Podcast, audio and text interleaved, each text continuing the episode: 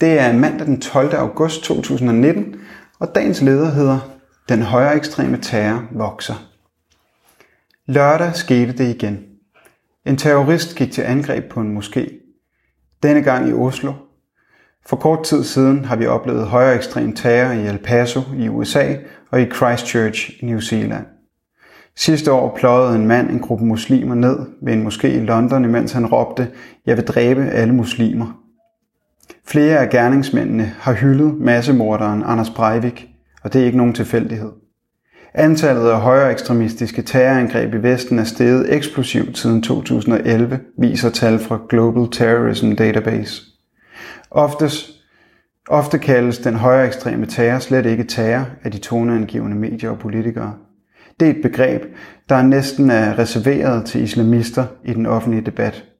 I stedet betegnes aktionerne som for eksempel masseskyderier eller angreb begået af mentalt forstyrrede og forvirrede personer.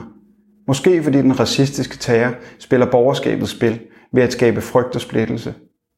I årvis har de politiske magthavere kun haft øje for den islamistiske terrortrussel, der er brugt som løftestang til at fjerne demokratiske rettigheder i Danmark og i hele den vestlige verden.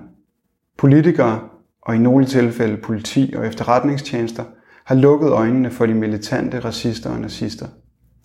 De systematiske politiske angreb på muslimer har samtidig gødet jorden for at udbrede den højere ekstreme terror. Muslimer fremstilles som samfundets og arbejderklassens fjende nummer et, og politisk debat har de seneste år mest handlet om, hvordan skiftende regeringer bedst kan angribe muslimske medborgeres rettigheder. Når man samtidig undergraver folks livsvilkår og fylder dem med had, løgne og internetforer med falske nyheder, har man opskriften på racistisk terror. Højere ekstrem terror må aldrig negligeres. Skyderier mod moskéer må ikke blive hverdag. Terroristerne skal mødes med klar folkelig modstand.